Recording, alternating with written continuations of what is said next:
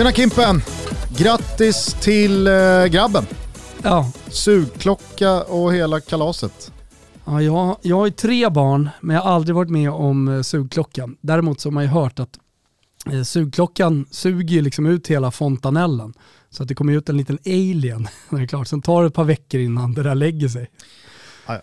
Det, det blir säkert bra. Det blir jättebra. Jävla fint att allt gick bra i alla fall. Eh, och ni som hör det här, ni kan ju ha det i åtanke om ni tycker att Måndagstoto kom ut lite senare än vanligt. Eh, Kimpen fick lägga OS utan spets eh, åt sidan ett tag för att bli farsa för första gången. Så att han är på BB i detta nu. Mm. Ska väl enligt egen utsago klippa det här i liksom särk bredvid Jossan i sängen. Ja, exakt. Bar Iber. Sover han? Det, Ja, det är lugnt. Det, bra. Kör jag vidare. sitter och lyssnar på oss. Men eh, det, det är annars en grej att man har barnet bar Iber och ligger för det ska vara hud mot hud och sådär. Och så kan man se Kimpa framför sig när han, eh, när han klipper Toto idag. Jag har även förstått det som så att barn, de första timmarna, dagarna, så är barnet väldigt mycket mer likt pappan än vad det sen kommer vara. Okay, Just för att pappan ska knyta an emotionellt till ah, barnet. jag fattar, jag fattar. Så att, eh, Det låter ju som att eh, naturen har tänkt till om Ah, det nu är så. så, att så det- jävla det många gånger man Jag tänker bara men förr i tiden i, häpnas över grottorna, evolutionen. förr i tiden i grottorna så kan jag tänka mig att det, det, det, det gängades både lite här och lite där. Så Så det. att, eh, det finns väl en poäng i det. Men hörni, nu lägger vi eh, Kims eh, faderskap åt sidan och fokuserar på Tutto Balutto, bollen som lirats i helgen. Det är måndag 30 augusti. Känn er varmt välkomna till sommarens sista Tutto. Det slår jag fast här och nu. Ja men jag håller med. Vi var inne på det förra veckan att hösten kom väldigt fort men alltså helvete vad den bara brakade över en. Och det stärkt av att fotbollen kommer igång och att eh, Champions League eh, snart är där. Vi gör CL-Tutski. Precis, Vi, eh, vi summerar för andra veckan i rad en hel fotbollshelg. exakt. Och dessutom Gusten så är vi ute på jävligt hal is återigen med det här avsnittet. Mm, hur tänker du då? De sista dagarna, kanske den sista veckan, men framförallt de skälvande sista timmarna av eh, Il Calcio Mercato. Precis, fönstret De- stänger imorgon. Ja exakt, de, de, de är ju luriga liksom att eh, ha starka åsikter om till exempel en övergång. Det som hände i 15 minuter, jag lyssnade om det, det var, jag tror att det var 15.37 eh, totalt som vi pratade om Manchester City och Cristiano Ronaldo och slog fast att han var klar för dem. Eh, vi pratade under de 15.37 också en hel del om Juventus och hur eh, de ska kunna fylla tappet då och luckan som blir när Ronaldo lämnar.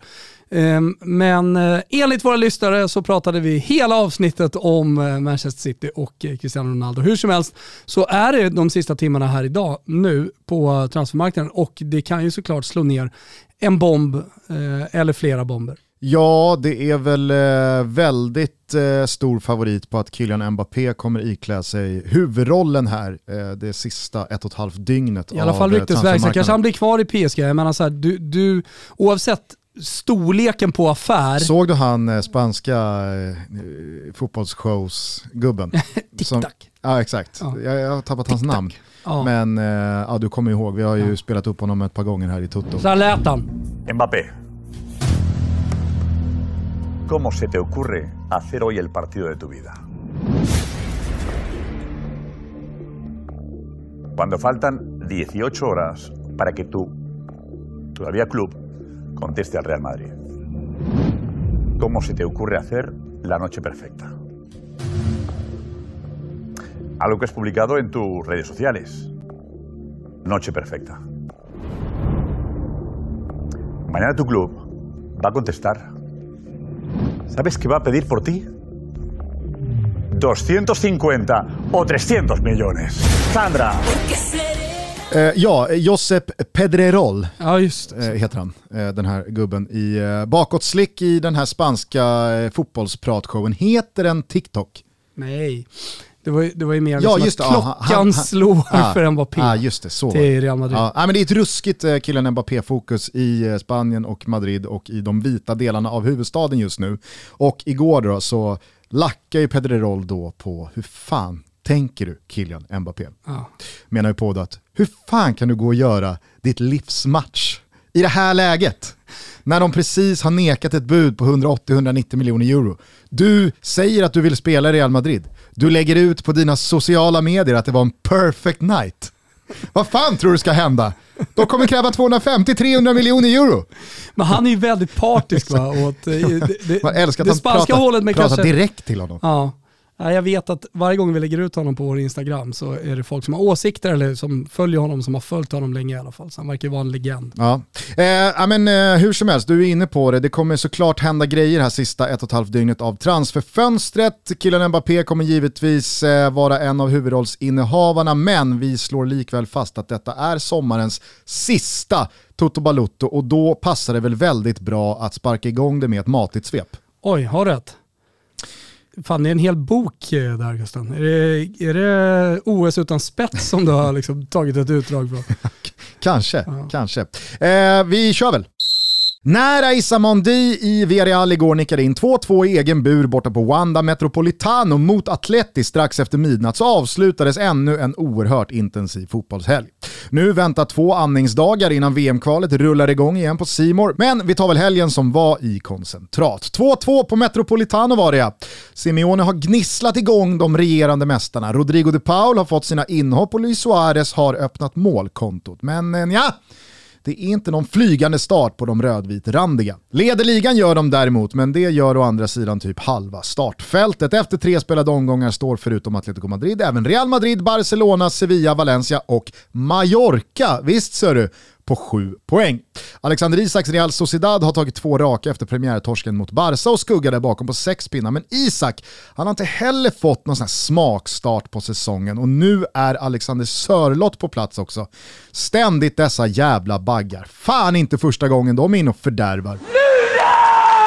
Många lag som eh, startat bra även i Italien, men när det är självaste Juventus som börjat med en poäng på två matcher mot Udinese respektive Empoli, ja men då är det faktiskt där blicken landar. Tappet mot Udinese var slarvigt, inget tu tal om det, men det hade ju också faktiskt kunnat sluta med förlust. Torsken mot Empoli däremot, den var både rättvis, blytung och alarmerande, men eh, vi kan återkomma till det strax. Uppåt däremot i huvudstaden. Lazio har gjort nio mål på 180 minuter och Milinkovic Savic, Immobile och Sarri i medvind. Brrr, känner alla vi som önskar Lazio evig olycka. Dessutom så är Filippe Andersson eventuellt bäst i världen igen, men man vet ju aldrig. Eh, målet mot Spezia dock gav en fingervisning om att det kan bli brassens höst. Roma slaktade Salernitano José Mourinhos kapten Lorenzo Pellegrini spelar som i trans, men inte bara han. Sheriffen Tammy Abraham har ridit in i stan, Jordan Veretout har tagit en plats i det franska landslaget utan diskussion och i målet så har Rui Patricio blivit precis den pusselbit jag hoppades på. Jag ropar inte titelstrid än, men eh, när den gamle Mourinho, Serie A Mourinho, beordrar alla att spänna fast sig i båten och ta en match i taget, ja då är det bara att åka med. Napoli med en krånglig full pott, Milan med en övertygande hemmapremiär mot Cagliari och Inter med en karaktärsdanande vändning borta mot Hellas, där nyförvärvet Korea hoppade in och blev stor matchhjälte. Thomas Wilbacher dundrade ut på Twitter att den här säsongen mycket väl kan vara den mest underhållande och sprakande Serie A-säsongen hittills i dennes liv. Vi ska ta honom på pulsen kring det strax. I England och Manchester blev det mycket väntat Cristiano Ronaldo-feber, men upp och ner och bak och fram efter det att United gått in och kapat portugisen från City. Nu hade väl i och för sig City kunnat spela Rolando längst fram mot Arsenal och det hade blivit seger med fem bollar, men ändå.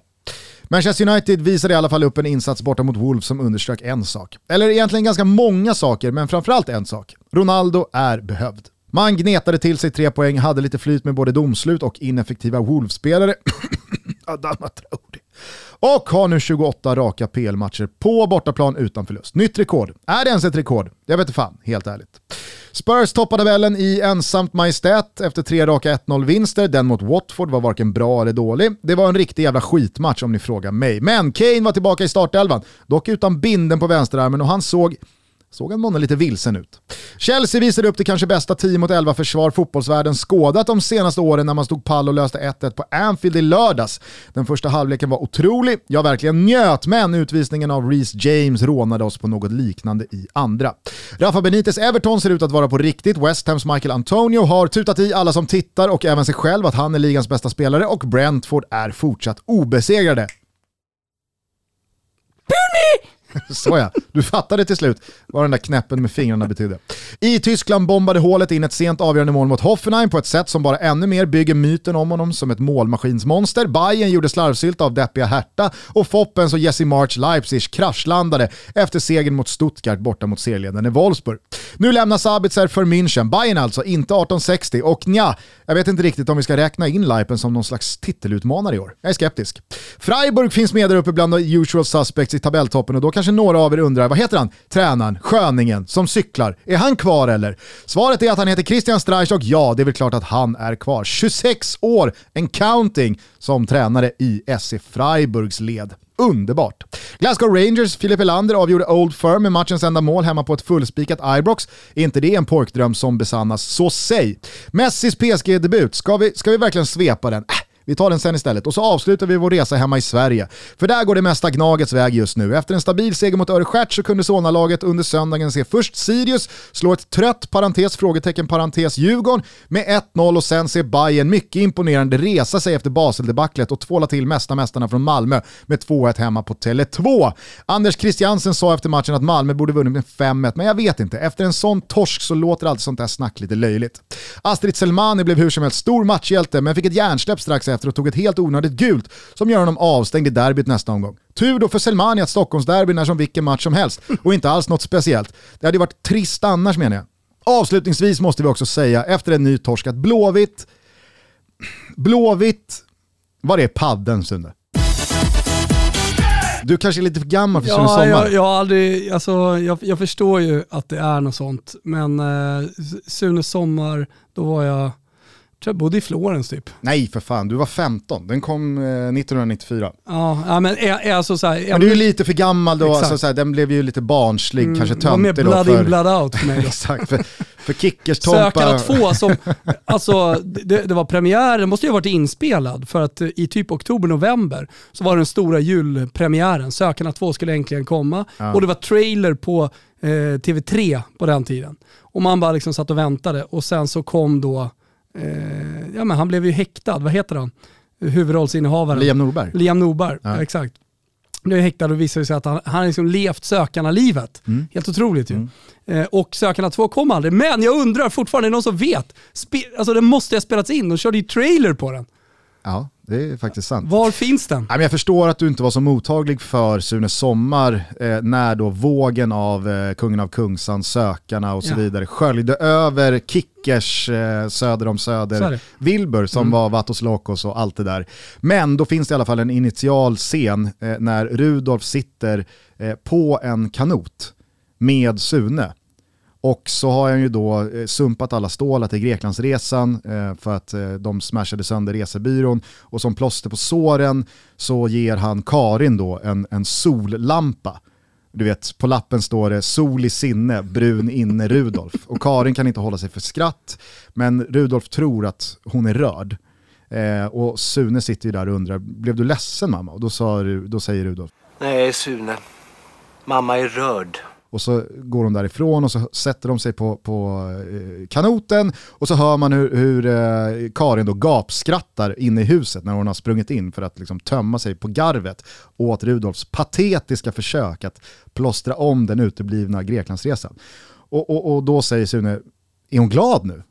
Och då ska Rudolf försöka förklara liksom, väsenet kvinnor för sin son och så säger han, Så du Sune, om några år, när du har blivit lite äldre, då kommer du också att förstå att kvinnor... Kvinnor... men inser att det här det är hopplöst. Så då byter han bara riktning 180 grader och kör. Var är paddeln Sune? I garaget tror jag. Ja, vi går och hämtar. Och det är det Göteborg ska göra. Bara 180 ja, grader. Ja, eller liksom så här, prata blåvitt nu Ja, efter de här nej, torskarna. Efter, det är alltså, det vi vet, med Blåvitt. Vi låter det vara. Sta- Star, Star liksom står uppgiven igår efter matchen och säger att han trodde att de skulle förlora med 11-1 i inledningen av andra halvlek. Efter att ha liksom ägnat en hel halvtidspaus åt att på riktigt så här, back to basic, hårt jobb, släpp all skit, nu gör vi det här ordentligt och efter en minut så har Häcken kunnat göra två mål i andra halvlek. Då säger Stare eh, i media efteråt att jag, jag, jag trodde vi skulle torska med 11 Sen är de ju på vippen att lösa ett kryss, han har missat sen straff och så vidare. Jag menar bara att med alla de här nyförvärven, Real Blåvitt inför säsongen, det som liksom göts nytt mod under säsongen, ja, men, så här, jag vet inte ens vart jag ska börja. Så det blir ju snarare så här, Blåvitt, Blåvitt, var är padden Sune? Mm. Och så, så, så, så släpper vi, det nu, för inte ens du kan ju Nej. försöka hitta någon slags substans i vad fan det är som händer Nej. på Kamratgården. Nej, förutom att uh, det, det, allting går åt helvete och allting går åt helvete, då, då, då faller alltså det är det vi ser. Det är varje sekund som IFK Göteborg spelar så, så är nej men det, det, de vill inte vara ute på planen. Mm. Jag, jag ska inte säga att de är rädda, men, men de, de vill vara på alla andra ställen eh, Kabuls flygplats, typ. eh, snarare. Nej okej, okay, det kanske var hårdare nej, lite. Nej, nej, nej, nej. Men de vill, Stretch. Eh, okej, okay. men, men de vill i alla fall inte vara på en fotbollsplan. Så det, det, det, tycker jag är ganska tydligt. Ursäkta att jag skrattar alla som tycker att du gick för långt där. Ah, okay, men, men, det var, det var verkligen att gå för långt, men det var att gå för långt på ett sätt som gjorde att jag inte kunde nej, låta bli. Nej, men det, det, och det är väl där vi har IFK Göteborg idag. Alltså hur ser det ut på träningarna? Kollar de varandra i ögonen? Såg du tjafset mellan Sana och Kolbeinn? Mm. Alltså det var ju såna jävla Lee Bowyer eh, och eh, Kieran Dyer-vibbar. Ah. Och då pratar vi alltså om internboxet eh, på St. James' Park för 15-16 år sedan. Mm. Eh, när då Newcastle-spelarna, Lee Bowyer och Kieran Dyer till slut ryker ihop och det, det bara liksom Ja, det flyger i knytnävsslag. Ja, känslan är att det är inget ledarskap i världen som kan rädda IFK Göteborg i det här läget. Utan de, de går bara längtar efter att säsongen ska ta slut. Ja. Jag tänker också på, alltså det är väl två, tre torskar sen, då Axén efter matchen säger typ till Stare, det är bara hänga i. det är också uppgivet. det, finns inga råd det kvar. Alltså så här, jag fattar ju vad Axén menar. För med det spelarmaterialet Blåvitt har, med Stare som tränare i den här serien mot många av de här lagen på pappret. Det är bara gnugga vidare. Mm. När den där segern kommer så, så, så, fattar alla som har följt både fotboll men kanske i synnerhet allsvenskan att då släpper vissa knutar och så kan det bara rulla på och så kan Blåvitt slå vilket jävla lag som helst. Och det trodde man väl att den här Malmö-segern skulle innebära.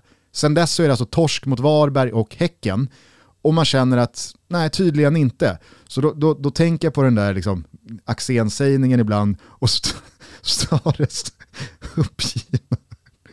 Liksom, man ska ta emot det. De, de, de behöver ju gå i någon eh, slags gruppterapi hela IFK Göteborg.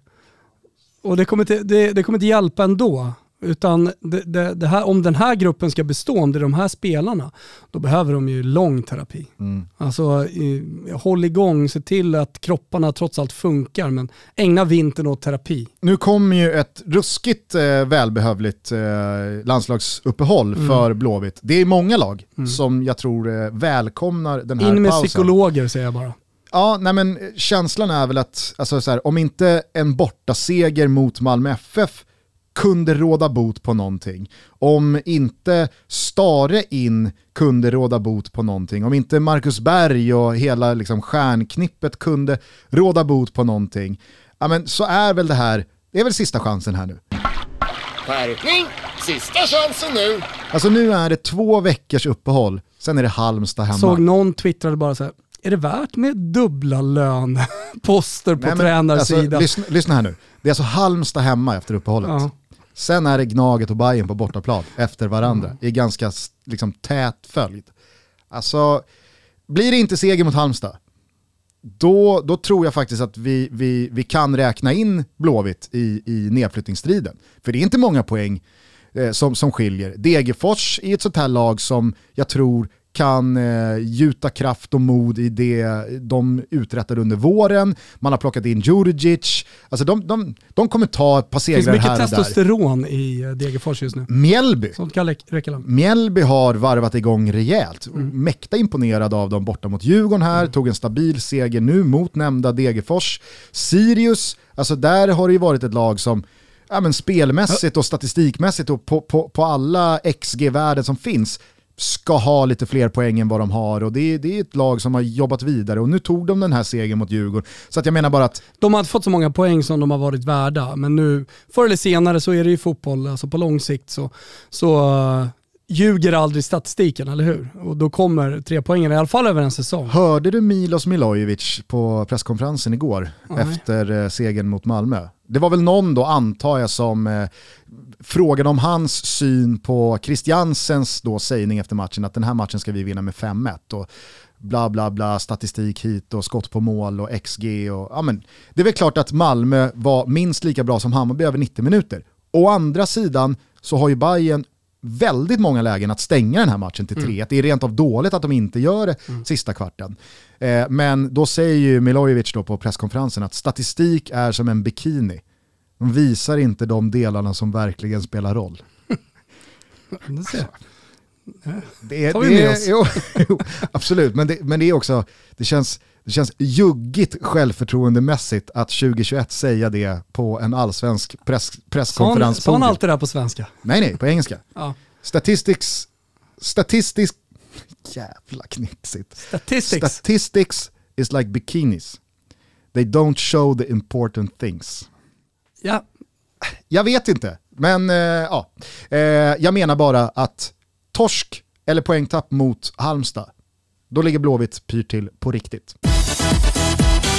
Toto Valuta är sponsrade av Lavazza. Och nu när semestern är över är det back to business. Också för oss kaffeälskare hörni.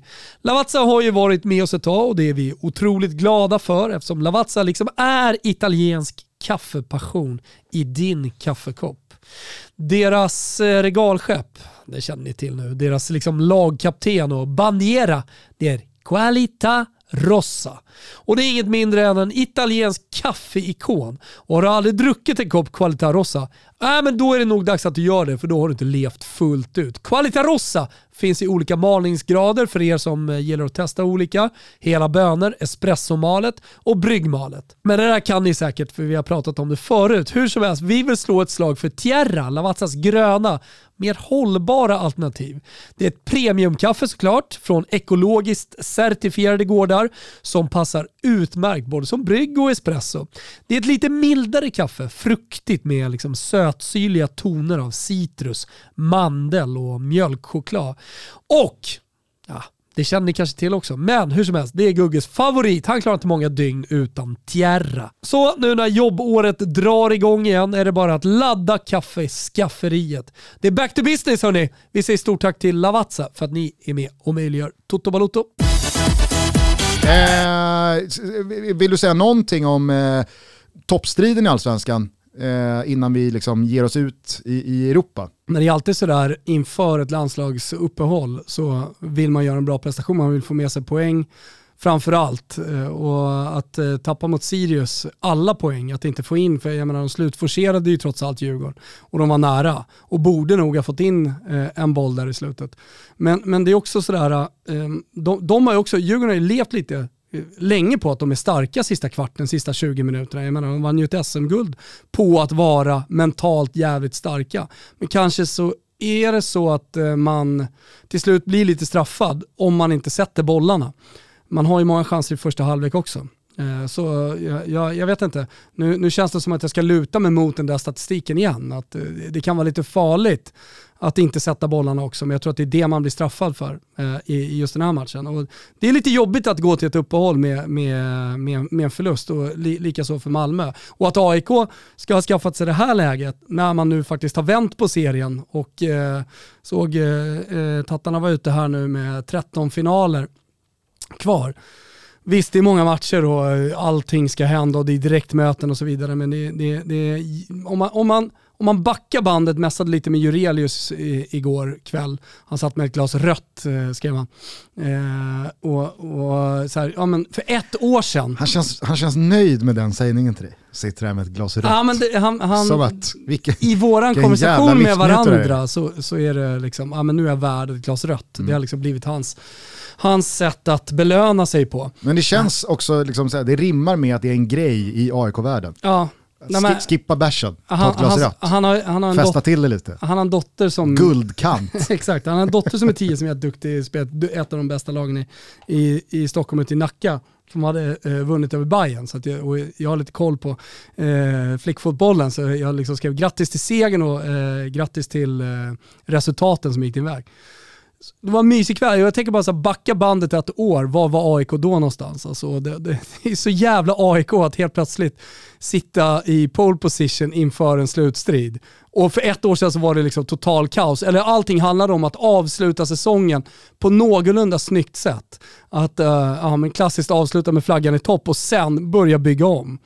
Det, så, står man där nu? Jo, men och- Jävla megaförsvar som inte kan släppa in bollar. Och, Absolut, samtidigt så snackade vi om det här med Svanen förra veckan, att vi kan ju också snabbspola fram tiden ett år, så kanske AIK har ett SM-guld innanför västen, har kraschat ut ur eh, Champions League och sen Europa League-kvalet, och så står man där med en helt felbyggd eh, trupp, man ligger sexa i allsvenskan och så ska alla avgå och allt är, är bara piss och skit. Alltså det är ju också Gnaget. Absolut, och det, det vet ju alla aik om också. Eh, men vi lever här och nu, eh, vill börja sä säkra ett West Lounge för resten av säsongen. Vet inte om det är jinxigt eller inte, men du får gärna följa med någon gång Gusten och, och kolla på AIK. Det, det, det jag tycker däremot är att eh, eh, allsvenskan är så jävla fin nu när publiken har kommit tillbaka. Eh, jag var inne på de här Europamatcherna när allsvenskan visar sig från sin bästa sida. Trots återigen då att man hela tiden har myndigheter emot sig. Eh, alltså det, det allsvenskan är, är ju supportrarna men också möjligtvis har jag varit lite för hård mot eh, det sportsliga. Eh, Hammarby gör jättebra mot Basel och Malmö FF tar sig in i, i finrummet och kommer in i en liksom dundergrupp. Jag vet inte, kanske är någonting på gång. Vi har många unga spelare, noterar jag också, som är intressant ute i Europa. Vi har många unga spelare i de största akademierna. Eh, Viljot Svedberg, alltså det han gör från eh, noll, det, det superbra Bayern 04-laget, att faktiskt etablera sig. Eh, ska man prata om någon, någon prestation som sticker ut från toppmötet Hammarby mot Malmö så är det ju såklart Viljot Se- Svedberg. Och då har, han ju ett riktigt, eh, då har han ju ett par riktigt bra insatser i Conference League-kvalet också innanför västen. Exakt, och eh, Hammarby har ju liksom inte varit där. Det har varit AIK, det har varit Malmö FF, alltså, det har varit BP. Norrköping. Norrköpings spelare som kommer upp som unga och som faktiskt man känner att det, det, här, det, här, kan- det här kan bli något riktigt stort. Men att Hammarby får vara med där och ha en spelare som hela Europa tittar på nu. Det, och har tittat på, alltså hela Europa har följt hans utveckling. Din brorsa har ju tränat honom. Eh, från alla inbjudningsturneringar och varit ute och mött Milan, alltså de största lagen eh, ute i Europa sedan sedan han var tio år gammal. Alltså, det, det, all, alla har redan koll på den typen av spel, alla har redan koll på honom. Och signat nu fem, fem år är det va, med, eller var det tre år, med Hammarby, men har i alla fall försäkrat sig om att Williot Svedberg, det är en spelare som kommer casha in på riktigt, riktigt mycket. Eh, känns också som att han kommer från en eh, jättebra familj, menar inte alltså, fotbollsfamilj med, med pappa och mamma eh, som fotbollsspelare, men jag, men jag menar det känns som att de har sunda värderingar. Det känns som att han har bra rådgivare runt sig, så han kommer ta de rätta besluten. Eh, det, det, det, tror jag, det tror jag, eller jag vet att många i Hammarbys ledning mår väldigt bra av att Hammarby också har hamnat där nu. Absolut, eh, och jag kanske bara ska rätta mig själv innan folk kastar sig över tangenterna där. Eh, Varför jag sa Norrköping är för att jag tycker att de senaste åren har varit väldigt bra på att scouta och knyta till sig unga spelare, Ah, ge dem stort förtroende och eh, sälja dem för stora pengar. Snarare än att det kanske har sprutat upp egna talanger från den egna verksamheten. För det förstod jag att det, det, det kanske Ja, var men de snarare är inte det du på, eh, på åsyftade. akademinivån Nej, som, som ja. Nej, men det var det jag de menade i alla fall. Så, så kan folk lugna Men sig. ännu mer så är det här ett tecken på, om man kollar på ungdomslandslagen på pojksidan, det är inte riktigt så på flicksidan än, men det är ju de stora akademierna de kommer ifrån. Alltså, och det, det, det, det, det är bara återigen liksom viktigt att poängtera tycker jag i, i liksom allt, allt snack om eh, selektering och eh, att skicka sina barn tidigt till akademier och så vidare. Att det, det, det, det är där det händer. Mm. Och, och så kan man tycka vad man vill om det, men, men det är så det ser ut. Men bara för att summera då eh, toppstriden i allsvenskan innan vi släpper Sverige så, så måste jag ju hålla med dig om att det, det, det, det är en jävligt fin allsvensk höst vi går till Det mötes på alla dit, sätt dit och jag vis. ville komma någonstans. Alltså att Malmö är överlägsna, det vet vi om. Och att de nu kan börja titta på en hylla som man inte har kunnat göra tidigare för att bygga en trupp. Alltså, och visst, du har kunnat hitta en Christiansen, men för att bygga en trupp från den hyllan.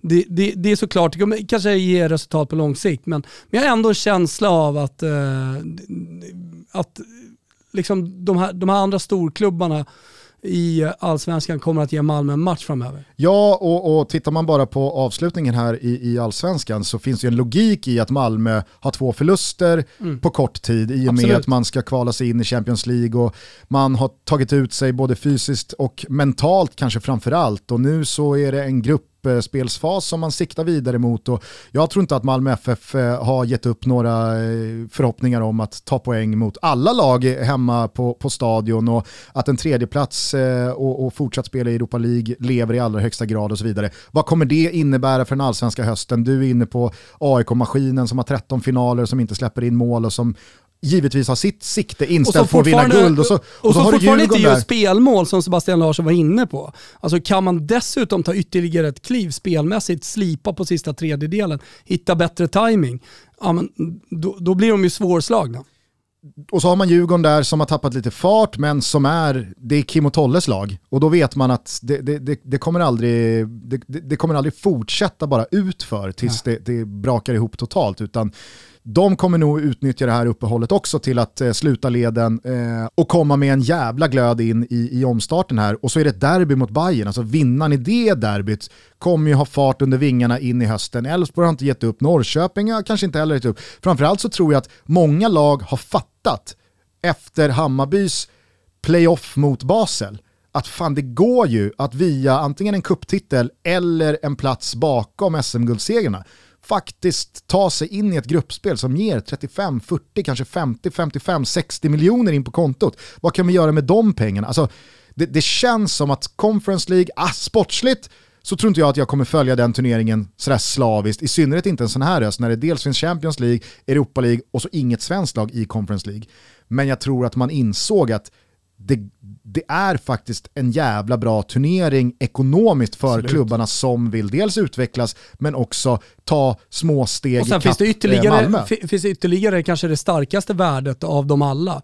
Det är att man faktiskt ger Europa till sina supportrar. Alltså drömmen som supporter är ju att faktiskt få åka oavsett var fan matcherna spelas någonstans, men ute i Europa och eh, som supporter representera färgerna och klubbmärket. Jag kan ju bara tala från egen erfarenhet eh, och framförallt då eh, från Fiorentina-håll. Liksom, när man kom ut i Champions League, Europa League-matcherna man spelade. Stoltheten man känner som supporter att liksom få höja rösten och få, och få sjunga ramserna på en bortasektion. Alltså det, det, det ger någonting extra till supporterskapet eh, som man också liksom Ja, men som jag på något sätt tycker att eh, supportrarna också är värda till de här stora klubbarna. Eh, så det, det tycker jag nästan är det största värdet i, i att ta sig till Europa. Ja, verkligen. Jag skulle bara säga det kort om Djurgården. Det, det, det, det är länge sedan eh, man, man kände att Bosse och truppen liksom så här på något sätt gick bort sig. Men nu, jag vet inte om du delar min känsla, men det har ju varit ett par nyförvärv inför den här säsongen som inte har fått den utväxling som man kanske tänkte. Joel Asor och mm. vad heter han från Finland, eh, Ademi, mm. eh, har inte blivit någonting av. Och, alltså, sen så finns det jättemånga bra nyförvärv, eh, inte minst Schüller. Och... Det är alltid lätt efter en förlust så här och kanske en sämre period ja. att landa i eh, negativt sådär. Ja. Men, men, det, men, det, men det, är ju en, en, eh, det är ju en måendekurva, både sportsligt och truppmässigt som, som är svår att ignorera. Eh, skitsamma, ska vi bara reda ut en kort sak med Anel Ahmedhodzic? Det var många som eh, pikade eh, mig då, det är jag som ska, som, som ska ha den kritiken. Och vi pratade ju väldigt mycket om Ahmedhodzic vara eller icke vara i senaste avsnittet här nu när Malmö är klara för Champions. Eh, transferfönstret är fortfarande öppet öppet eh, och det har pratats inte minst då Atalanta men även nu mot slutet även Napoli och Lazio. Eh, huruvida han ska stanna, ska han skriva på ett nytt eller inte? Jag sa att han sitter på utgående, han har kontrakt eh, 23 ut, men det är ju, misstänker jag, ett kontrakt som skrevs under när Anel Ahmedhodzic inte var den han är idag. Vilket gör att ska han tjäna de pengar jag tror att han dels tycker han ska tjäna i ett Malmö FF-sammanhang, men kanske framförallt i eh, kontrast mot vad han kan tjäna utomlands, så är det ju ett nytt kontrakt som ska skrivas på. Ja, men det är en klassiker när en spelare har gjort eh, en bra säsong, en bra halv säsong, nu då för Annels del varit med och tagit Malmö till Champions League. Blivit landslagsman. Och blivit landslagsman. Vunnit Eh, SM-guld. Så, så eh, är det ganska vanligt ute i Europa att man signar ett nytt kontrakt eh, för, för att visa hur viktig spelaren är för dem. Precis. Och eh, som du säger, då får, får ju det en effekt också i att spelaren blir mer nöjd med den nuvarande situationen. Och kanske inte lockas lika mycket. Det blir svårare för spelaren eh, i alla fall att lämna klubben. Men jag tror inte att Daniel Andersson i, i eh, symbios med Georgsson skickar fram ett mycket bättre kontrakt för Ahmed Hodzic rent ekonomiskt med samma slutdatum. Nej. Så agerar ju inte en sportchef i det här läget.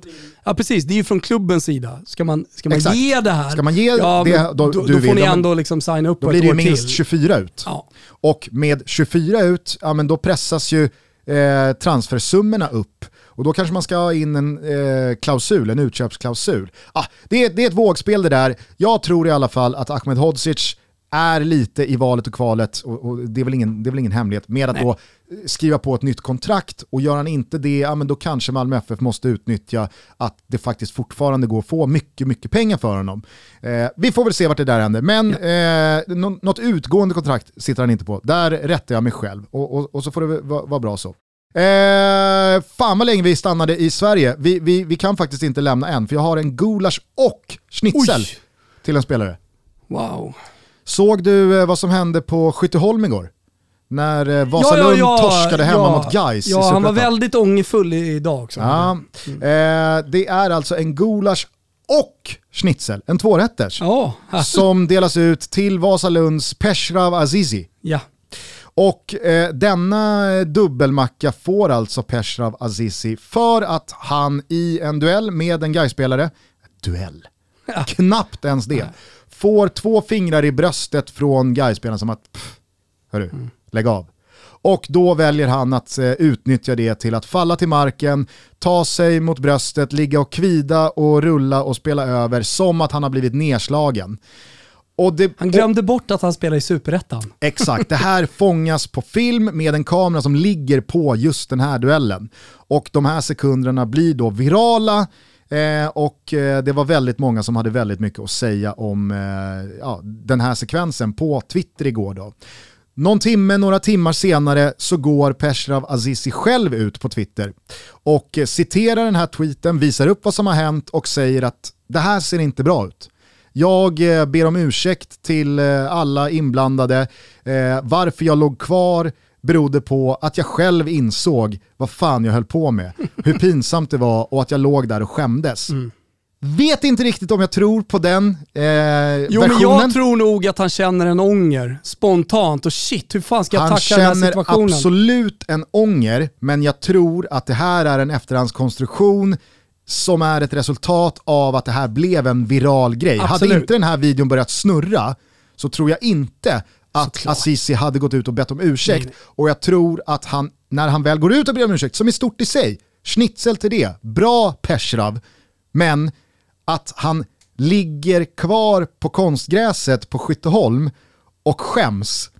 Ja, Ah, ah, Han ångrar sig i alla fall, det gör ja. han. Men jag tyckte att det blev en väldigt bra eh, situation eh, överlag. För det visar ju att det där, när sånt där sker och det, finns, det fångas på film och det blir en grej, ja men då tror jag att det finns en självsanerande grej kring fotbollen. Att bort med det där, för det där är bara liksom, det blir bara pinsamt. Det, det är ingen som vill ha det sådär. Sen så kan jag ibland vara den största försvararen av Furbo och att man utnyttjar att eh, domaren kanske inte har sett något, att Jo man det spelar där, över, det att där, man det där var ett överdriver. uselt försök Exakt. att vara Furbo. Alltså för, för, för det hör ju till. Ska du vara Ja. Furbo, men var det då vid rätt tillfälle och på rätt sätt. Step it up. Alltså det är inte alla som, eh, som bemästrar eh, tekniken höll jag på att säga, Nej. men bemästrar La Furbezza.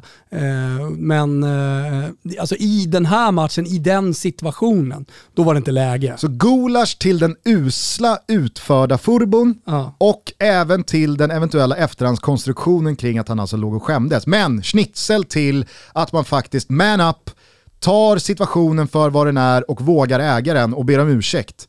Eh, det, det, det tyckte jag var väldigt bra. La Furbizia. Känner du att du har några egna eh, grejer du drivs av idag eller ska jag bara liksom eh, väggspela dig med olika nedslag jag gjorde i svepet och så får jag höra din take på det? Mm. Vad tror du om det? Eller, eller har du någonting här som du känner att du, du verkligen vill ta från, från, från din egen pensel? Jag gillar väggspel. Ja. Ja, men, eh, det, det, det blev ju en, eh, återigen då, en Serie A-helg med många rubriker. Juventus en poäng efter två spelade omgångar, Ronaldo har lämnat, torsken mot Empoli är ju det är inget att snacka om. Nej. Alltså, det, det, det, det, var fair square torsk. Eh, jag skrev på Twitter i lördags kväll efter det här att så här, till slut, efter tio år känns det som, en evighet, så har vi nått dagen, och då pratar jag vi som fo- fotbollsfamiljen, har äntligen nått hit.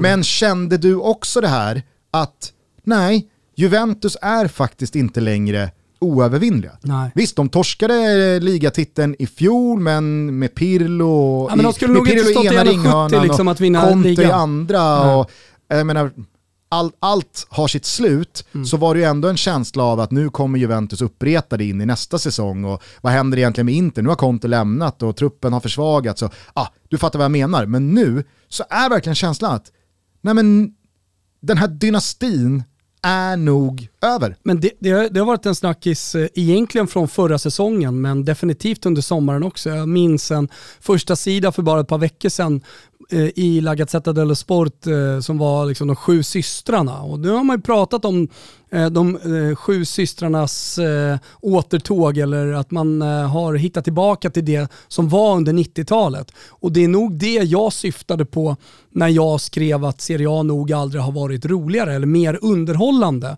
För att där i ligger ju också rivaliteten och att det är kamp om Champions League-platser absolut, men ligatiteln framför allt. Ehm, men den dynasti som eh, Juventus hade, alltså den, den överlägsenheten, den kommer nog inte få se på ganska bra tag. Utan eh, Milan har kommit ikapp med hårt arbete. Inte hela vägen. De ska, de ska inte ligga på samma odds att vinna ligatiteln som, som Juventus. Det ska inte Roma göra, det ska inte Lazio göra, det ska inte Napoli göra och inte Inter heller. Eh, jag, jag tycker att det är rätt att de inleder säsongen som oddsfavoriter, men däremot så, så eh, är det, äh, har de kommit betydligt närmare och det gäller egentligen alla klubbar. Och eh, det är svårt att förvalta eh, en, en sån överlägsen ställning som Juventus hade det kan i stort sett ingen. Det, då, då, ska du, då ska du till en liksom Barcelona-Real Madrid överlägsenhet i, i budget och eh, i stålars. Va? Och då är ändå Atletico PSG. eh, regerande mästare. Då är ändå Atletico regerande mästare, eh, exakt. Och de har hela tiden eh, funnits där bakom. Men, men eh, i, i Serie A så kommer vi nog få följa ett decennium här nu där ligatitlarna kommer att Ja, men, alltså där det finns möjligheter för lag att vara smarta på spelarmarknaden. Att med bra sportcheferi faktiskt ta en ligatitel, en historisk sådan. För till exempel ett Romlag, för ett Napoli eller eh, för, för- Milans del att studsa tillbaka och vinna en ligatitel som man inte vunnit. Kanske inte den här säsongen, men man är på rätt väg. Det är det som jag tycker är det viktiga. För, för eh, under hela Juventus-dynastin, då kände man ju bara att, eh, men, vad, vad gör Milan? Liksom? Och det är krampaktiga försök att liksom, ta sig dit. Man spenderar pengar men inte tillräckligt, men framförallt utan smartness. Eh, det, det Inter har gjort, liksom, när då, alltså anledningen till att de vann ligatiteln, självklart ekonomiskt storsatsande, men också smart. Och jag tror att Beppe Mar- eller jag tycker att Beppe Marotta har gjort det bra under sommaren. Trots att man tappar Lukaku, så känns det inte, i alla fall under de här inledande matcherna, som att man saknar honom. Eh, visst, det är lätt att säga efter eh, en sån prestation och att Korea kom, Toko Korea kommer in och gör de målen.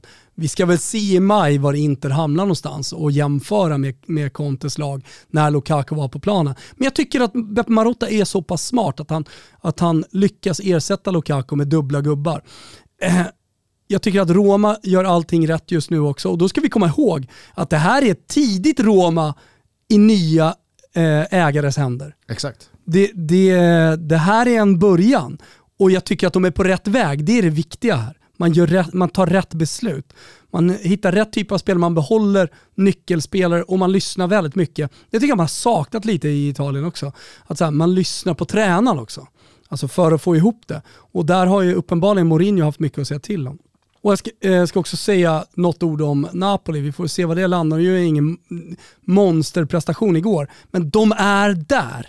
Och Det tycker jag är tillräckligt. Och det är det som är underhållande. De sju systrarna är tillbaka och där bakom så finns till exempel ett Fiorentina som också har nya ägare. Det kommer också ta lite tid. Men man har hittat rätt uppenbarligen med, med, med en, eh, en tränare som också haft eh, en hel del att säga till om för att få de spelarna som han behöver i de nyckelrollerna som eh, hans fotboll, eh, eh, ja, men som, eller som han förespråkar med sin fotboll. Ska bara säga det kort kring, kring Roma där. Alltså, visst, Salernitana, de var inte bra, men Stadio Arecchi, Salernitana är tillbaka i Serie A för första gången på 20 år. Alltså, Ja, men det är ett pisslag, men stämningen räcker ju någonstans för att man ska bli förälskad. Ja, jag skulle bara landa i då att givet det, alltså Salernitanas sportsliga kunnande aside, så tycker jag att Romas andra halvlek igår, det är bland de bästa Serie A-halvlekar Roma gjort senaste tio åren. Man kan säga det samtidigt som man säger att de bottenlagen i år, kanske de fem sämsta lagen i Serie A, kanske är bland det sämsta man har sett eh, på väldigt länge också. I takt med att det har blivit ett större gap då upp, att de, de 8-10 eh, bästa lagen har blivit bättre. Men hellre ett gap till Absolut. den övre halvan än ett gap mellan 19 lag och Juventus. Känner jag. Och det tror jag många som följer antingen Tyskland eller Frankrike eller vilket land man nu har sitt hjärta i håller med om. För det är ju roligare, och, och, och det, det, har jag alltid sagt i den här podden de senaste åren, när folk har pratat om det, den skiktade allsvenskan. Ja men vad fan är problemet med att vi har en skiktad allsvenska med åtta lag som kan vinna. Alltså det, är det, här, det, det, är väl perfekt. Ja. Vem, vem tror att vi i allsvenskan ska ha 16 lag som kan vinna guldet? Alltså, att, det... att, att, att, att, folk ojar sig över och tar sig för pannan att nu är det bara stor, storstädernas lag som har chans. Och så börjar man räkna upp då, tre Stockholmslag, Malmö, Blåvitt, Elfsborg, Peking. Det vill säga, ja det är sju lag. Det är väl helt otroligt och fantastiskt och roligt att sju lag på riktigt enligt många kan göra saker rätt. Jag sa Blåvitt. Ja, men så kan du väva in Häcken där då. Som också, ja, men det, det är åtta lag som med två, tre års bra styrning absolut kan vara med och hota om ett guld. Det är fantastiskt, men det är bara naivt att tro att det ska vara 16 lag. Jag tycker att det är intressant att bryta ner det till spelarnivå. Eh, på 90-talet eh, i Italien så, så fanns det ju de här stora målskyttarna i mindre lag som satsade stort, typ Parma. Alltså, bland de sju systrarna så fanns det storspelare i alla de lagen. Eh, och eh, när man skulle börja jämföra position för position gör det i PSG till exempel med övriga ligan så vinner de i stort sett på alla positioner. Och dessutom med bänkspelare som är helt överlägsna. I Premier League är det inte så, utan du, du, du hittar eh, Son i Spurs som förmodligen slår ut de flesta på den positionen. Eh, och eh, gör du det med Juventus nu jämfört med för sex år sedan, alltså då kunde du nog hitta de bästa spelarna på i stort sett i alla fall alla positioner i just Juventus. Här har du liksom Dusan Vlahovic i Fiorentina som är en bättre nia än alla nior i, i uh, Juve. Mm. Du, du har spelare i Inter som eh, nu, nu, ja, men eh, Skriniar, De Frey. Någon av dem går säkert in som en av ligans absolut bästa mittbackar. Du hittar centrala mittfältare i till exempel Pellegrini i Roma, som förmodligen är en av liga, eller, ja, ligans, han, han hamnar i ett all-star-team i, i, i Serie A. Ja. Och det, det, det, är det jag menar. Och det, det kan du också göra i allsvenskan, ska du börja bryta ner det på spelare. Det kan du inte göra med, alltså ta Atletico, Barca, Real så har du förmodligen spelare, ligans bästa spelare på alla positioner i de, de lagen. I Premier League är det inte så, eller hur? Nej, nej, absolut. Där finns det ju i alla fall spritt på 5, 6, 7 lag. I, I, Tyskland så är det typ hålet emot att uh, de ja, bästa spelarna spelar i Bayern München. Så är det. Nej, men, och, och, även fast allt inte sker samtidigt utan fotbollen är cyklisk och eh, vissa saker sker här och andra saker sker där och så går åren och så byter det där plats. Och det var bara någonting i lördag som uppfyllde mig av den här känslan som verkligen inte ofta infinner sig. Men det är så jävla lätt, i alla fall för mig och jag tror många känner som jag, att mitt i det så blir man ibland uppgiven och så känner man what's the point med att hålla på en säsong eller tre säsonger? Hur ska det här någonsin kunna brytas? Den här maktdominansen, eh, titelstreaken vissa lag är inne i. För att ta ett dagsfärska exempel, Bayern München, PSG. Ja men här och nu, idag, så känns det ju smått liksom skrattretande att säga att Bayern München inte kommer vinna Bundesliga över en överskådlig framtid. Och då pratar vi alltså Ja, men känslan är ju tio år. Hur ska, de, hur ska de inte vinna ligatiteln de kommande tio åren? Hur ska de inte kunna liksom, dyka upp i Champions League-finaler titt som tätt? Eh, med den särställning man har i Tyskland. Exakt samma sak med PSG, pengarna som finns, truppen som finns. Ja men du vet, du fattar vad jag menar. Men det som hände emotionellt med mig i lördags påminde mig om att fast så funkar inte fotbollen. Nej. I regel, i dess natur, så ligger att ingenting är för evigt. Det, det, går inte att upprätthålla... Men den känslan är lätt att få, att detta är för evigt. Exakt, och, det är det jag menar. Tiden. När det kommer till Bayern München idag, när det kommer till PSG idag, det känns, det känns ju, liksom, det känns ju hopplöst. Nej, men det finns det en efter Klopp, det. det. fanns en efter Alex Ferguson, Exakt. det och, fanns en efter Berlusconi, efter Moratti. Och det var så många år av Juventus total dominans i Italien. Där man verkligen kände så här, hur ska Juventus inte vinna ligan innan den ens har börjat spelas. Mm. Det, är helt, det är helt omöjligt att de inte vinner ligan. Och så kan man gå tillbaka i historien. Jag menar, jag växte upp med, med en engelsk fotboll där jag under 6, 7, 8 år kände samma sak. att Hur ska ligatiteln hamna någon annanstans än hos Manchester United och eller Arsenal? Mm.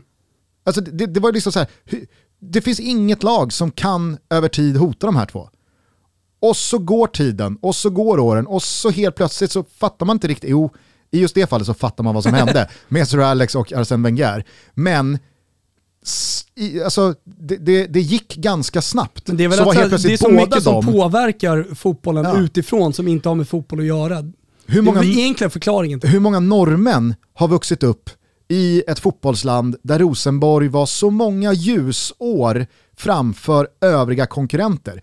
Idag så känns det ju, jag menar vi pratade om Bosses liksom, ja, det är väl om det ligger en bingolott och skräpa någonstans inställning till vem som ska kunna ta, ihop, ta upp kampen med Malmö. Idag så känns det verkligen som att, ja men det är väl klart att Malmö kommer dominera svensk fotboll, kanske för alltid. Jag vet att det är en stretch, men det är en känsla jag pratar om. Men någonstans så går att finna en trygghet i att så här, det kanske inte är idag, det kanske inte är om ett år eller ens om fem. Men jag lovar, om tio år så kommer saker och ting ha förändrats. Mm. Barcelona under Pep Guardiola, kommer du ihåg den känslan? Jaha, game over. Ja, det är bara att lägga ner. Det kom upp nya unga talanger hela tiden också som man kände så här, de är bäst i världen också. Exakt. Hur ska det här laget hur ska den här klubben... Men det gick åt helvete för Bojan Kirkic. Det var, det var då man började se slutet för Barcelona. Ja, Ja, faktiskt. Han var liksom symbolspelaren Han var inte för... så bra. De ja. tar inte bara upp Messi-spelare. Ja. ja, men det, det, det, var någonting som hände efter den här förlusten mm. mot Empoli för Juventus i lördags för mig. Jag vet, alltså så här, sen så kanske det här slutar med att Juventus vinner Serie A i vår ändå. Mm. Och, och det håller jag långt ifrån som omöjligt, mm. självklart. Men det skulle inte förändra någonting i att min känsla och inställning till Juventus överlägsenhet i Serie A har i grunden förändrats. Och det är jag jävligt glad över.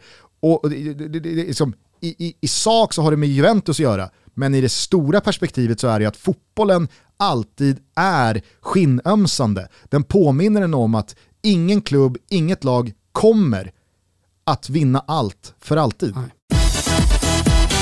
Toto Valuto är sponsrade av Enel och vi måste tyvärr meddela alla er som år ut och år in pressat ner grova, muskulösa fotbolls och hockeylår i tajta stuprörsjeans. Ja, att er tid är faktiskt förbi. Nu är det loose fit som gäller. Jajamensan, loose fit. Så det är hög tid för alla korvskinnskillar där ute att tänka om och att uppdatera höstgarderoben med straight eller loose fit jeans. Enel har förmodligen Sveriges mest uppdaterade denim-sortiment med stor variation både på passform och prisalternativ. Ett par tips är till exempel Curtis från eh, Just Junkies, Dash från Dr. Denim eller Chris från Jack and Jones och så såklart då Stay Loose från Levi's. Och som ni vet, koden är TOTO20 och den ger er 20% rabatt på allting på nnyman.com just nu. Passa på, detta är exklusivt och detta gäller just nu och vi säger stort tack till Ennelyman för att ni är med och möjliggör Toto Balutto. Vad säger du om eh, Chelseas andra halvlek mot Liverpool? Äh, men- Var det det värsta man har sett i 10 mot 11 försvar? Ja, det är otroligt. Och att, eh, alltså, det säger någonting om Tuchel. Pratar om världens bästa tränare. Och återigen så känns det som att Klopp bara ska vinna allt för ett par säsonger sedan. När de är så bra, när allting... När maskineriet är så inoljat som det är för, för Klopp, då känns det som att ingenting ska kunna stoppa dem någonsin. Men alltså att Tuchel har seglat upp där och även kan spela ett eh, nio utespelarförsvar på det sättet, ja, men fan, då har han en plan för allt. Ja. Nej men det var så Det är fruktansvärt tysk energifotboll och det är catenaccio. Det, det, det finns en eh, jävligt stor kompetens eh, som bor inne i Torshäll. Det var ju någonting som skavde med det där eh, röda kortet på Reece James. Men jag kanske har landat i att det framförallt liksom rånade oss på en fortsättning på en fantastisk fotbollsmatch, som det verkligen var i 45 minuter. Å andra sidan, ja, dubbelbestraffning hit, men vad fan, beslutet i sig då dit. Det ska ju bli straff, såklart, men det är ju också, om man bedömer det så som de gjorde i både varummet och från domarhåll, att Reece James tar ett aktivt beslut att stoppa ett givet mål med kan det vara armen. reflex eller inte. Reflex eller inte, det är väl klart att som fan att det där sker ju från ryggmärgen. Ja. Men det ska ju också bestraffas. Kanske hade det räckt med gult, men jag fattar också att det blir rött. Oavsett vad, den andra halvleken, nej, det var sån jävla uppvisning i försvarsspel. Och, och man glömmer ju också att det är, det kanske inte man glömmer, men också givet omständigheterna, det är borta mot Liverpool. Mm. Det är fullspikat Anfield. Det är så pass tidigt i säsongen att Liverpool vet ju att nu är det bara gasa. Det ska inte underskattas i alla fall. Det är viktigare att vinna än att inte förlora. Exakt. Om du förstår vad jag menar Ja, men jag har ju suttit här och pratat om Liverpool som den största förloraren av, eh, under coronatiden för att man inte haft eh, supporterna där.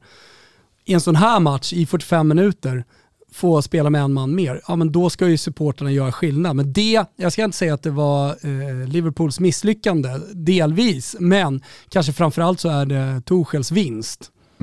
Ja, nej, det, den, var, den var ruskigt imponerande och jag tycker att deras säsongstart den, den, är, så, den, den är mångsidigt imponerande. Alltså man har utan snack bara spelat ut ett lag man ska köra över hemma på Stamford Bridge i Crystal Palace. Man har kört över Arsenal på bortaplan i ett London-derby och man har ridit ut stormen efter en bra första halvlek. Alltså, den hade ju Chelsea kunnat lätt i paus och det hade varit rättvist. Eh, men nu så visar man upp ett sånt här disciplinerat försvarsspel och man står verkligen pall. Aj, jävla imponerande alltså. Eh, kort, Arsenal, vad borde man göra?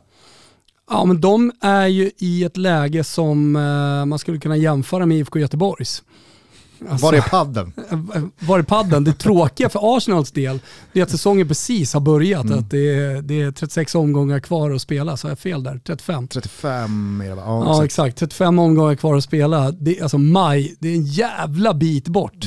Nej, jag, jag, tyckte, jag tyckte Martin sa det jävligt bra i studion i lördags, att, att skicka Arteta nu, det är ju direkt men- oprofessionellt. Det blir löjligt. Å andra sidan är det det rätta att göra. Alltså, man, han stod verkligen och velade, för att jag håller ju med Jo, men honom. vad är alternativen? Ska man ta in Wenger igen? Nej, jag säger, jag säger bara att ma- jag tyckte att Martin sa det bra. Problemet är väl inte Arteta? Har man bestämt sig för att liksom, investera det här förtroendet i Arteta och gett honom hela sommaren, ja men då kan man ju inte skicka honom efter två veckor.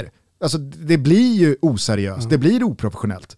Men, å andra sidan då som Martin är inne på, det, det kanske är det man faktiskt måste göra. kanske. För att vad finns det kvar att göra? Du kan inte byta ut hela truppen. Du, du, du, du har ju de spelarna du har att jobba med och nu har du ju dessutom en start som tynger allas axlar, som gör att det visslas, äh, inte ens visslas, alltså det var ju fan, det, var- det gjorde lite ont i magen att se Arsenal-supporterna på Etihad jubla när City gjorde 4-0. Jag vet, jag vet inte liksom så här, om du ska dechiffrera den aktionen supportermässigt, vad är det? För det, det, är, är det liksom ironi och banter Ja, men- mot sitt ja, eget typ- lag eller är det typ uppgivenhet? Sarkasm eller, skulle jag vilja här- kalla det för. Är det ju. jag, jag, jag, jag vet liksom inte... Nej men det, det är alltså sarkasm som bygger på uppgivenhet, eh, som, som, som bygger på en liksom, total energiförlust. Eh, det finns ingenting kvar hos Arsenal-supportern, det finns inget hopp, det finns eh, inga halmstrån att greppa ens. Och det är som sagt efter tre omgångar i Premier League. Ja. Det, och det, det, det, liksom den uppgivenheten som till slut blir eh, sarkasm mot de egna spelarna. Det vet jag inte om jag kan minnas att jag sett Nej, ett jag, jag, topplag ja, eh. Jag kan inte minnas. utstråla precis liksom från alla håll. Nej. Spelarhåll, tränarhåll lite grann också, för han känns ju också uppgiven Arteta. Han försöker ju hålla något slags litet sken uppe. Men så här, du vet, varje, eh, varje bild de skickar ut på sitt officiella Twitterkonto blir ju anledning till hån. Ja, ja, jag vet. Nej men eh, eh, exakt, ja, man har ju varit med om och Så sett... Silencio Stampa kanske är någonting som man borde börja jobba med lite mer. Ja, vet fan alltså. Alltså det känns som eh, Silencio Stampan år 2021 har försvunnit lite grann. Robin Olsen, Ja, den lever ju såklart. eh, nej, nu har han pratat. har han? Ja, jag tror det. Jag tror han har Jo, pratat. nej, fast alltså, han pratar väl med, med internationell media. Ja, okej. Han pratar, nu, nu, nu är det ju samlingen, så Ja. nu får vi väl svaret. Vigge, vår nya lagkapten, till- har väl också någon slags eh, Silencio Stampa? Ja, mot vissa. Ja, okej. Mot vissa. Ja, moget. Men om, eh, om Robin Olsen nu idag eller imorgon när de nu samlas eh, snackar, ja, då vet man ju att Silencio Stampans tid är definitivt över. Ja. Jag skulle bara säga det att man har ju upplevt supportrar till sitt lag som ironiskt, sarkastiskt jublat och kört Oj, oj, när, ett, när sitt lag i typ underläge 4-0 Herregud ja. har tre passar En inom av de laget. För att finaste man har, stunderna. absolut. Gärna med fyra, fem bärs Jag, innanför jag, jag, jag minns också EM 2016, Sverige, inga skott på mål första två matcherna. När väl första skottet på mål kom mot Belgien i tredje matchen så var det liksom, det var jubel och vågen och all, alla liksom... Vi var båda där Gustav. Nej, jag var faktiskt hemma. Jag var faktiskt hemma. Hade du åkt hem? Ja, jag, jag hade åkt hem och känt det där poolpartyt. Vad kommer det egentligen få för ringar på vattnet? Ja, det blev bra till slut. Men alltså, det var ju på den nivån. Men att direkt se ett så stort och tungt lag som Arsenal supportrar jubla. Men jag har lösningen. Eller i alla fall den kortsiktiga lösningen. Jag Silencio Stampa Retiro. Och jag har den långsiktiga Göteborg, lösningen. flytta till Falkenberg, de har jättefina anledningar. Eventuellt Båstad. Grymma anläggningar där ni kan lägga in laget, kosta vad det kosta vill. Hotell, inga jävla telefoner. Läs inget, prata inte med någon, säg till frugan, säg till barnen att pappa måste iväg ett tag. Det är liksom in i armén. Eller- Det är Kabuls flygplats som gäller här nu. Bara att det, är- det, är- det är ett, det, det, är- vad heter hotellet i Båstad? Eh, Hotell Strand, heter det så? Sand? Är det Malmö? Nej, Det är Malmö. I alla småstäder. I Kalmar, det är Öland, det är... Ja, men Falkenberg har väl ett havshotell, havsbadshotell. Jo men de har havsbad men också Kallbad. fina fotbolls... Det är Varberg. Nog Varberg. Eh, men eh, Silencio Stampa, med konstens alla medel, ut, släng, lägg telefonen i en telefonlåda som man ger till barnen när de Just kommer till skolan. Årets julklapp 2019 va? telefonlådan. Mm. Ja. Det, det är både Arsenal och IFK Göteborg. Men- Silencio Stampa. Det finns också en annan kortsiktig lösning. Eh, Den lösning som Conny Karlsson valde att applicera på Helsingborg för eh, 10-12 år sedan. När de eh, i toppen av allsvenskan hade typ tre raka förluster. Då eh, låste han ju in laget, klubbkåken. Och så var det bara alkohol för 10 lax. Nu är det bara att blåsa ur systemet grabbar. Ja. Ta, och så det- sa väl Mattias Lindström typ att ibland så är faktiskt en riktig jävla drängfylla lösningen. Jag vet, problemet är att det här kommer ju nå supportrarna med, eh, du såg ju vad som hände i Norge. Ja visst. I Brann var det va? I Brand, Bergen. Brand, yes. Där eh, det, Sivert Heltne Nilsen var en av spelarna på festen. Sivert Nilsen var en av dem, Mm. vår gubbe. Eh, Det ryktades om prostituerade, knark och allt möjligt. Övergrepp. Ö- sexuella övergrepp, eh, man ska ha brutit sig in på sin egen arena för att ha en efterfest där. Bra tanke i stunden kanske. Fan vad roligt att köra li- li- lilla efterkakan på vår egna arena.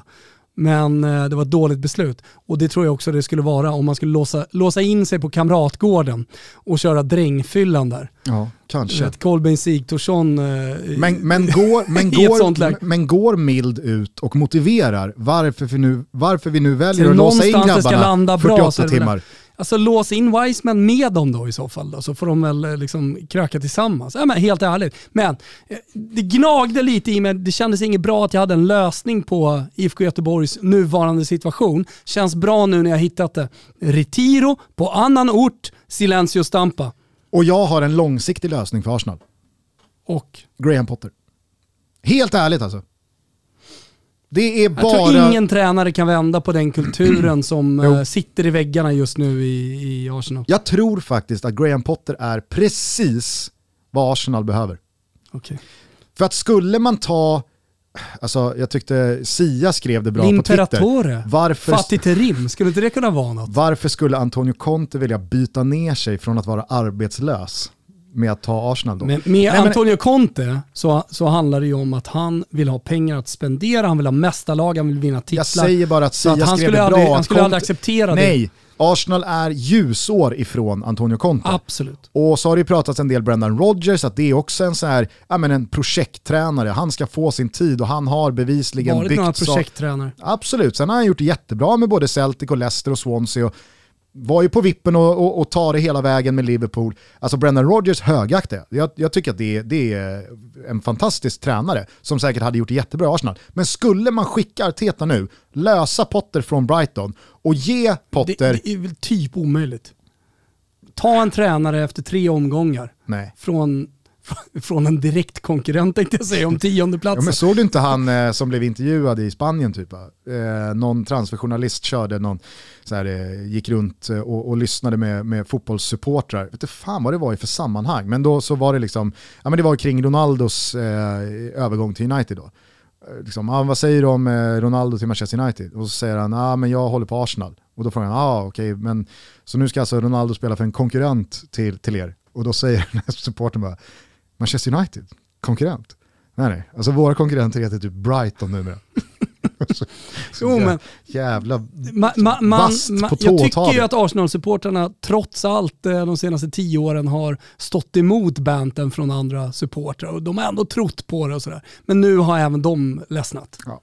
Jag, jag, jag, jag tror bara att så här, vill man det tillräckligt, nu har man ju spenderat jävligt mycket pengar den här sommaren, men det finns ju en summa att betala för Graham Potter. Och kanske är inte Graham Potter på den nivån att en klubb som Arsenal öppnar lädret och, och löser inte. honom för 300 miljoner. Nej, där kanske han inte är. Men du förstår vad jag menar med en Graham Potter. Han skulle kunna komma in i det här laget och jag tror, helt ärligt, få ut max av det. Vad det räcker till, vette fan. Men på ytterligare en säsong, ja, men då skulle jag nog ändå kunna se Arsenal ha tagit så pass många konkreta steg efter varandra utan att backa. För det är det som är Arsenals jävla stora problem hela tiden. Egentligen sen Wenger lämnade. Man tar ett par steg framåt, men sen tar man ju lika många steg bakåt. Och, Men och- för mig finns det bara en väg att gå. Silencio stampa, retiro. Eh, ska vi bara sy ihop säcken och knyta an till eh, fredagens avsnitt då vi alltså slog fast att, och det, herregud, det var, inte, det var inte konstigt att vi gjorde det, att Cristiano Ronaldo skulle lämna för Manchester City. Sa till och med eventuellt. Ja men exakt, vi, vi, vi, vi, jag, jag, Vi, jag, jag tycker att det gick vi att, också sa det, prata att så här- kring och man skulle också kunna se det som ett koncept att prata runt. Att en spelare går till eh, en konkurrerande klubb efter att ha varit eh, ja, men st- stor symbol under lång tid. Jag för- tror för, mina ord eh, var att eh, nu är väl ingenting klart än. Ja. Eh, så, håller vi, så håller vi den dörren öppen med tanke på att Ja, vi gick gick bort hem. oss i Kane. Skitsamma, det blev Manchester United, alla som eh, är med på den internationella transferscenen och som var i fredags är ju med på vad som har hänt när det faktiskt blev konkret med City. Då kände väl alla inblandade, även från alltså, Ronaldos håll också, att när Manchester United då visar att det här kan vi faktiskt inte stå bredvid och, och se på hända. Utan okej, det finns en möjlighet. Hur löser vi det här? Sir Alex lyfter luren, Rio Ferdinand lyfter luren, Bruno Fernandes lyfter luren. Ja, men då, då, då, då är det väl klart att även en Cristiano Ronaldo kan gå till sitt inre och känna att det emotionellt, historieskrivande och eh, romantiskt var den rätta flytten att göra. Och i det här efterspelet så tycker jag att det, det är värt att lyfta, inte minst i den här podden som jag tror har fler lyssnare än kanske en del andra fotbollspoddar med lite svårigheter att eh, ha två tankar i luften samtidigt. Det är ingen kritik mot våra lyssnare, utan snarare så tror jag att både du och jag känner ett ansvar i en sån här situation att faktiskt lyfta fler aspekter Absolut. av den här transfern än bara det att en av fotbollshistoriens bästa spelare genom tiderna, en av Manchester Uniteds största spelare genom tiderna, går tillbaka, han höjer temperaturen på Premier League, han gör en flytt som eh, får den här transfersommaren att likna någonting som aldrig förmodligen kommer ske igen. Det är en spelare som sluter cirkeln, en målmaskin av Guds nåde, en otrolig spelare på alla sätt och vis fotbollsmässigt som nu går tillbaka till Manchester United. Det är så jävla kul, det är så jävla peppigt. Jag känner också hur jag rycks med i det här. Men det går ju heller inte att bara, som väldigt många har gjort de här dagarna, totalt ignorera det som varit kring Cristiano Ronaldo de senaste åren efter Der Spiegels långa, otroligt väl genomförda journalistiska gräv, utredning, dokument, kalla det vad ni vill, där det alltså finns konkreta dokument på att Cristiano Ronaldo i den här våldtäktsutredningen mot Catherine Mayorga i Las Vegas för, kan det vara 10-11 år sedan? Någonstans där. Alltså själv säger, ja, hon gjorde både fysiskt och verbalt motstånd. Hon sa nej upprepade gånger och det här är sen ett dokument som har försvunnit. Mm. Eh, jag, jag läste en lång tråd från en av de inblandade journalisterna som berättade att inte någon gång under den här processen så har liksom Ronaldos legal team och från det hållet hävdats att det här skulle vara några fejkuppgifter. utan de är bara borta. Sen så är det ju direkt fastslaget att det, det finns en betald summa eh, i ett liksom, tystnadskontrakt till Majorga, att hon får inte prata. Det har köpts en tystnad därifrån och att det här är en jävligt problematisk situation. Nej, Cristiano Ronaldo är inte dömd för våldtäkt, men det finns ju för mycket i det här som gör att man heller inte kan ja, men blunda för det, negligera det. Och det tycker jag verkligen är viktigt att ta upp. Ja, det är en otrolig övergång, det är en fantastisk fotbollsspelare och förhåller vi oss till det purt sportsliga, ja men då är det väl klart att man får gå upp i det och känna ett rus över det och tycka att det är jävligt fett. Men det kan vara värt på väldigt många sätt och vis att lyfta den andra tanken att det här är en jävligt smutsig, problematisk situation som smakar ruskigt illa i munnen och som inte alls känns jävla kul är en del av hela det här sammanhanget. Nej men eh, absolut, jag tror att, eh, här, att, man, att man som eh, fotbollssupporter kan känna båda delar. Det, är- det, det är helt rimligt. Och det är Jag ingenting man behöver eh, skämmas över heller. Nej exakt, jag såg Backman eh, tweetade bland annat om det. Att han ja, gick upp i ruset då som fotbollssupporter att eh, en av de största spelarna som du säger i klubbens eh, historia är så stor verkligen. Jag, någon tyckte att jag, att jag hade en problematisk historieskrivning kring hans eh, liksom, sportsliga karriär, Cristiano Ronaldo. Men Topp 10. topp 10, okej. Ja, hur som helst. Jättestor spelare så jag kan, jag kan förstå det samtidigt som han i, i, i eh, tanken efter också eh, tycker att det är problematiskt. Och eh, det, det är som du säger också smakar illa. Och då ska man ha med sig att eh, Juventus, eh, de eh, la om sina försäsongsläger från USA till andra delar av världen för att eh, USA och amerikansk polis då har möjlighet att gripa Ronaldo på American soil för att då eh, fortsätta eh, och liksom, ta upp den här utredningen och, och, ja, men, gripa honom helt enkelt. Eh, och så kan man ha invändningar mot att ja, men varför pratar man inte om det här varje vecka och, och varje gång man pratar om Ronaldo och Juventus senaste året. Men det går ju inte heller. Det går inte heller. Alltså, nu blev det här aktuellt på ett helt annat sätt. Mm. Och då tycker jag i alla fall att man inte behöver sopa under mattan eller titta åt ett annat håll. Det här är en del av Cristiano Den, den här Ronaldo. skuggan finns över honom. Exakt, och det känns Det finns jävligt eh, liksom, viktigt att man inte bara låtsas som att det regnar. Mm. Och med det sagt så kan jag understryka igen, jag tycker också det är jätteroligt att Cristiano Ronaldo går tillbaka till Manchester United. Jag, jag, jag, jag, jag Vi gick kommer också också återgå och prata om det rent sportsliga kring Ronaldo. Självklart. Och han är inte dömd och man kan inte ta sig för pannan och skrika grip honom. För att då hade, alltså, hade det varit på det viset så hade han ju inte gått ut på Old Trafford när han nu går ut på Old Trafford efter landslagsuppehållet. Du fattar vad jag menar. Mm. Men eh, jag tycker att eh, det, det, är en del... Man kan ju konstatera att det finns ett mörker Ja. och eh, en skugga över honom som kommer följa med honom genom hela hans karriär. Verkligen. Och förmodligen efter också. Verkligen. Hörru du, eh, vi har blivit långa. Vi har mycket att göra idag. Du och jag ska käka lite lunch nu. Sen så ska vi eh, ge oss i kast med att spela in de första av totalt åtta Tutski Balutski Champions League-avsnitt som vi ska skicka ut här innan premiären den 14 september på Telia och Simor. Mm, det är du som leder sändningarna. Du får med dig Olof Mellberg, du får med dig Micke Lustig och eh, Kim Källström. Fan vad roligt det känns måste Mycket jag säga. fotbollserfarenhet där i den studion. Ja, men jag, det är jag, jag, Spånga, eh, eller ja det var Spånga va? ja, Ja, precis. exakt. Ja. Och sen lite eh, annat. Exakt. Jag, jag, jag har ju redan Tränare uppat... i Bele Barkarby. Nej, i Bollstanäs. Bollstanäs, ja. Ja.